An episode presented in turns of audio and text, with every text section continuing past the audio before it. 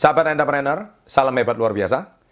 Kali ini saya akan membahas tentang sebuah topik yang tentunya menjadi sebuah pertanyaan-pertanyaan bagi generasi muda Indonesia, yaitu tiga alasan utama mengapa Indonesia sangat minim memiliki pengusaha.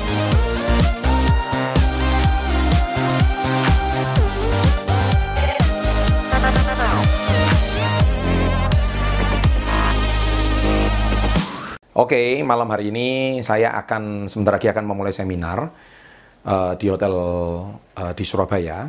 Uh, tentunya sambil menunggu jadwal seminar, saya coba membuat video ini untuk menjadi sebuah bahan perenungan ya. Dan sebelum saya memulai seminar, ada baiknya kita minum minuman yang sehat dulu. Ini adalah salah satu produk terbaru dari perusahaan saya GG Indonesia, yang mana produk ini adalah produk semacam sereal yang berisi tentang 48 jenis buah-buahan, sayur-sayuran, biji-bijian yang mana ini sangat sehat untuk kesehatan usus dan pencernaan kita dan juga bisa mengurangi berat badan ya karena ini kaya akan serat dan mengenyangkan. Mari kita lihat dulu cara minumnya. Dan sangat baik sekali, mudah sekali. Siapkan air putih, kemudian Anda tinggal tuang seperti layaknya membuat sereal. Karena malam hari sebaiknya kita mengurangi makan berat karena kalau Anda terlalu banyak makan makanan yang uh, besar, tentu malam hari membuat Anda cepat gemuk. ya. Dan setelah itu kita aduk, ya. Dan setelah itu sangat mudah sekali, Anda bisa melihat di sini, ya. Dan ini sangat bagus sekali. Dan saya minum dulu ya.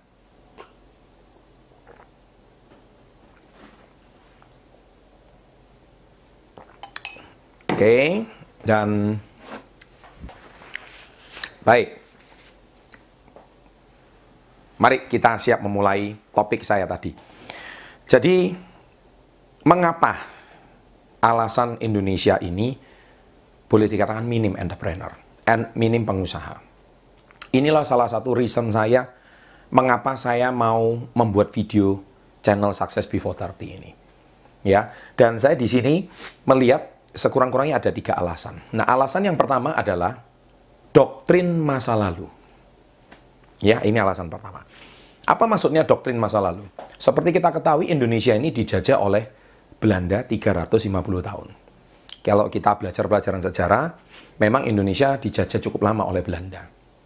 Dan kita tahu sendiri, pemerintahan Belanda zaman dahulu, mereka selalu menetapkan politik divide et impra. Ya, divide et impra itu artinya politik pecah belah. Ya, Belanda selalu suka melakukan pecah belah dan mengadu domba. Dan akhirnya manusia sulit untuk bersatu. Nah, karena Indonesia ini adalah negara kesatuan, ya seruka sekali dipecah belah. Nah, itulah 350 tahun lamanya uh, pemerintahan Indonesia pada saat itu dipecah belah oleh Belanda. Dan kita tahu bahwa Belanda itu tidak suka orang maju pada saat itu. Dan akhirnya yang menjadi korban adalah rakyat Indonesia. Nah, rakyat Indonesia karena dipecah belah, akhirnya semua bekerja untuk pemerintahan Belanda. Tidak ada satupun yang jadi pengusaha. 350 tahun lamanya. Dan itu adalah nenek moyang kita semua.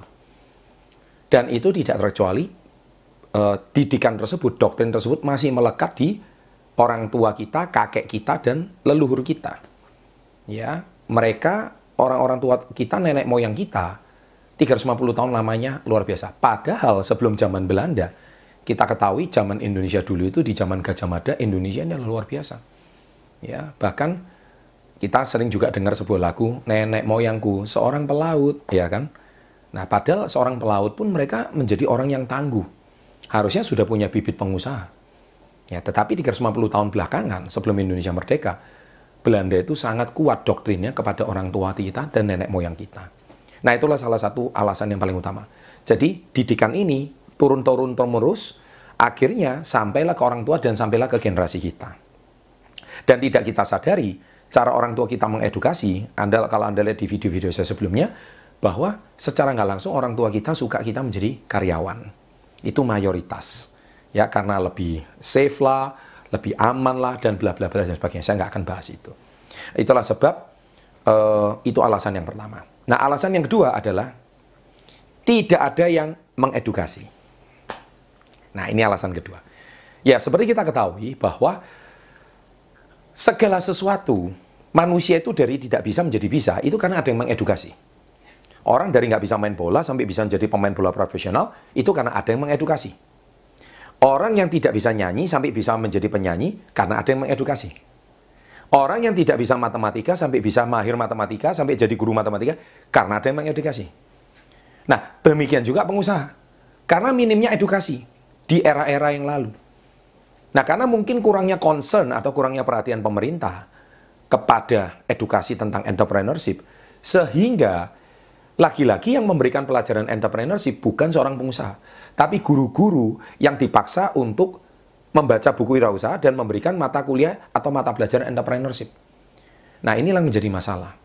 Padahal harusnya entrepreneurship itu tidak bisa cukup dari teori, tapi harus praktek dan pelaku langsung yang memberikan pelajaran dan tindakan nyata. Akhirnya ini loh cara jadi pengusaha itu begini. Nah, ini alasan yang kedua. Nah, alasan yang ketiga adalah tidak adanya mentor. Nah, sekali lagi. Nah, di video-video anda bisa lihat ratusan saya video sebelumnya, saya sudah selalu bilang mentor, mentor, mentor, mentor, dan pemimpin. Nah, akhirnya saya sadar karena minimnya edukasi dan minimnya mentor, dan karena masa lalu doktrin yang sangat kuat, Indonesia ini akhirnya ketinggalan. Nah, saya punya datanya.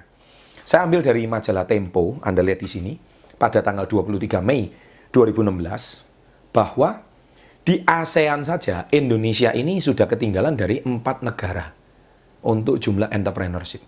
Data ini diambil dari HIPMI, Himpunan Pengusaha Muda Indonesia, ya, salah satu komunitas saya juga. Nah, di mana di sini tercatat bahwa untuk Singapura saja jumlah entrepreneur itu sudah 7%. Kemudian untuk Malaysia sudah 5%. Kemudian untuk Thailand itu sudah 4,5%.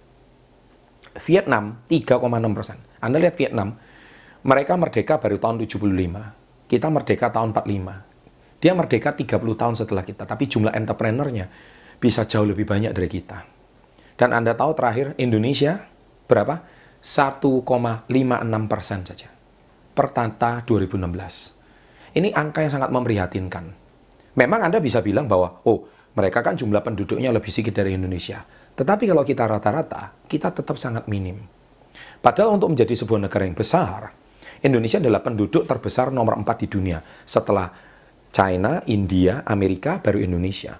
Kalau dibandingkan dengan tiga negara ini sebelumnya, Indonesia kalah jauh. Apalagi sama China dan Amerika, kita nggak usah bilang. China dan Amerika dengan jumlah penduduk lebih besar dari kita. Jumlah entrepreneurnya sudah jauh di atas 5%. Anda tahu 5 persennya China itu 1 M penduduk saja. 5 persennya itu sudah berapa? 5 persennya sudah 50 juta orang. Sedangkan kita cuma berapa? kita cuma 1,56 persen dibanding 250 juta. 1,56 persen. Cuman 200 ribu lebih. Anda bisa lihat, sangat minim sekali. ya. Dan 1,56 persen itu cuma 2 juta orang. Dibanding dengan 500 juta, 5 juta orang itu sangat jauh sekali. 2 juta ke 50 juta bagaimana mengejarnya. Itulah sebab kenapa China sekarang menguasai ekonomi dunia.